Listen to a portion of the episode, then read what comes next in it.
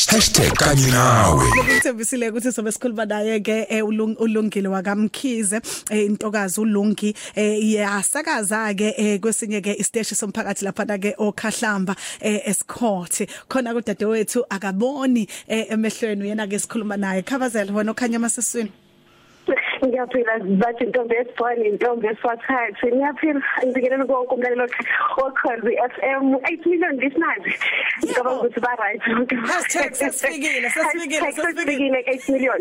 Oh yazi ngawuzwa lo muzwa ukuthi ngathi sengikhuluma nomsakazi ke manje. Athaza amageji. Ulungi wakamkhize bathi umamkhize abanye bangathi ngomalungi from escort awembesi kasi Yes. Awusitshela ke ngohambo lwakho ke dadewethu siyeza ukuthi ke umsakazi ongaboni emehlweni. Ngifuna ukusibeka esithombeni ukuthi ulungi uzalwe engaboni emehlweni noma isehlo esamehlakala nje esevele nje esephila?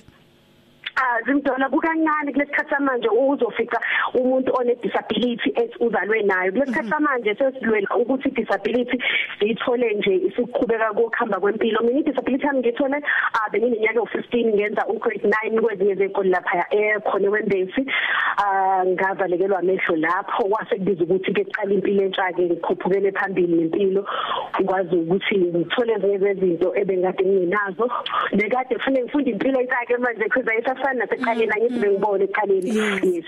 Okay Yeah. mhlawumbe uma ungasibeka nje usintshontshele nje kancane esithombeni ukuthi yini mhlambe le ayenza ukuthi uze ungabone emehlweni? Mhlambe kwaba isifo esithile noma walimala noma kwa- kwenzakalani? Ngalimala ngathola ingozi nje ngalinyanga limnyama ngase ngalimala amehlo Oh phephisa sithandwa sami. Okay. So e- emva emva kwalokho uye waqhubeka nokufunda mhlambe kwezinye izikole zabantu abangaboni noma yabe impilo yakho ke isiyashintsha ke lapho wangasakwazi ukuyesikoleni esijwayelekile njengoba ubusho ukuthi ubufunda ugrade 9 Wa- waqhubeka yini nemfundo mhlambe kwezinye indawo. Ya ngase angizange ngize ngizilahlele phansi futhi nakhona umndeni wami uthola ukuthi nawo wawushayile ngalendlela yokuthi awuqondi ukuthi uzophila kanjani. Ngokuqala empilweni yabo bethola umntwana okhubazekile ngokuqala ukuphila nomuntu okhubazekile. So kwabiza ukuthi kube yini okwazi ukuthi ngisukume ngimele umndeni wami kube yiwona ngikhombisa ukuthi no uma ngikhala mina ikuphi mina ekufanele ngikwenze? Ever since mina ngingakhali nani kubiza ukuthi ngiyakhala sesifocusene ekutheni ukuthi uNkulunkulu usenze njengamanje bese siqhubeka nempilo because ukukhala kwethu akusenza ukusiza ngalutho ubisi ulichithekile selichithekile ngesakwazi ukulibutha. Angifocus manje ekutheni ukuthi ngikwazi ukuthola isikole ngiqhubeke nempilo ukwazi ukuya phambili. So ngase ngihamba ke 2012 ngaya ebawile disability eh Maritzburg yes exactly. Ngase ngaphinda ngaya kwesinye sezikole futhi asemthandi School Lines eNewcastle Okay. Ngi- Ngifuna ke sibheke ukuthi ungene kanjani ke la endimeni ke yezokusakaza njengoba sizokuthiwa uyasakaza lapha ku Khahlamba FM futhi ke usebenzeka kanjani njengoba ke mhlawumbe umunye umuntu engacabanga ukuthi hey kunzima kanjani eh ukuthinta thinta zonke lezi zinto ezithintwayo kanjalo ke nokufunda njengoba sazi ukuthi ke eh, umsakazo sewaphila kakhulu ke ngo social media ukuze ukwazi eh, ukuxhumana nabalaleli bakho. Ku- kuwe kusebenzeka kanjani? Zikhona mhlawumbe nezinye inqinamba ke okubhekane nazo ubona ufise nokuthi hey ukube ngiyabona nje mhlawumbe ngaba kwenzeki kanjena. Okay, kulezo kusakaza, ukusakaza neacting ezinye zezinto ebengade ngiyithanda vele before. Ngoba esikoleni bengumuntu wama page kade ngisabona ama ama acting ledlalwayo emadrama esikoleni. So until ke ngimali lwamehlo, ngathola ukuthi mangivalekelwa amehlo lezi zinto lezo kuyizo nebe ngiyithanda before. Ngisazoyiqhubeka ngiyithande. Futhi njengamanje sekuphoqa ukuthi ngiyithande ngempela ngoba mina ku disability yami kunabantu esikhubazeke nabo abathi bona balwela abanye babantu abakhubazekile amalungelo ethu. Mina la ngikhona noma mina eqhubekeni kwempilo yami noma eqaleni kwempilo yami ngingasaboni. Njengathi angisalwela umuntu ovela okhubazekile njengamanje. Angisalweli mina njengoba sengikhubazekile. Phela sengilwela onoma ngayimuphi umuntu ongakakwazi ukufika kulesimo sokukhubazeka ukuthi kufika kanjani. Njengamanje njengoba sikhuluma kunomuntu o- othola indaba kudokotela ekseni ukuthi ngeke sakwazi ukuphinda ahambe.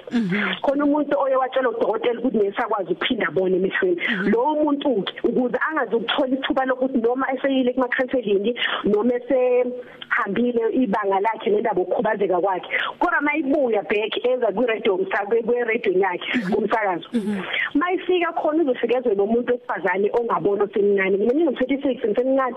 Afike lezo lo wesifazane osemncane neminyaka 26 ekodwa ngoba kuyaphileka yini mina ngikhalelayo uma ngakwazi ukuthi ngixhumane nabantu noma ngisondeze ebantwini lokukhubazeka kwami kusho ukuthi kungafana neze neze bese ngikwazi ukuthi ngiqhubeke nempilo noma ngathiwa ngingasakhubazekile Mm. U- u-social media wona unawo? Benginawo before kodwa ngabuye ngaphuma ngenxa yokuhlupha kwamafoni bese ashesha lento otobek emafonini angithi sisebenzisa utobek ever since singabona emehlweni. Yeah.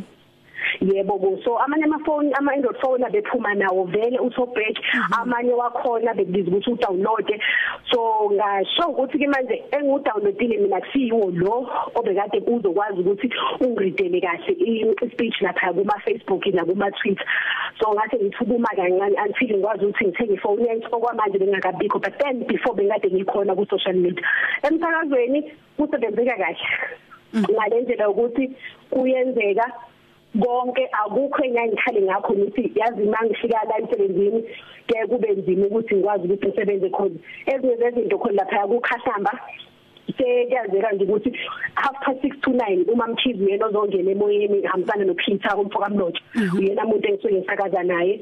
So ngiyakwazi ukuyithathela ama headphones ngiwafake ngiwaxhume la kuphine xhume khona ngiwahanga ngwafaka endlebeni ngilungise my cam ezinye zezinto nje lapha ngiye ngakwazi ukuthi ngitrain istuba ngitrainile ukufuna studio sisonke ukuthi studio thamba sifike la.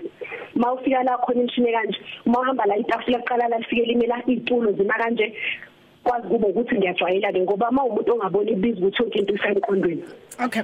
Asibheke la mamkhize kukhona yini ongathi mhlambe okungaboni kwami kungivulele nanka amathuba mhlambe nakho okuhle engikwazile ukukuzuza mhlambe engangeke ngize ngikuzuze ukuba ngangisabona.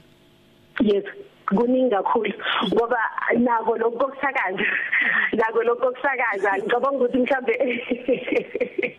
ezinye zezinto ebekade zizongishaya kakhulu. Mhlambe othola ukuthi ngoba masikhola ngithi empilweni siyingane sesihlupho kube khona izinto ezizenzayo abantu abadala beshawa uthola ukuthi asakhuzeki mhlambe futhi siyaphuma ke manje siyohlala la siyohlala khona mhlambe siyothipita noma siyophola la siphola khona nabafana. Yebo. phume nje empilweni zabazali. Mhlambe ezinye zezinto ke ezingimbile ke ekutheni ukuthi ke ngingaboni kwami ngoba beze besho nabantu engisebenza nabo uphisa uhleze ngiveza ukuthi yo mamkhizi ngendlela ohlupha ngayo ngendlela osodi ngayo. Ukubwe bawubone ngabe ngawo njani Hayi cha nami ngiya- ngiyafakaza la.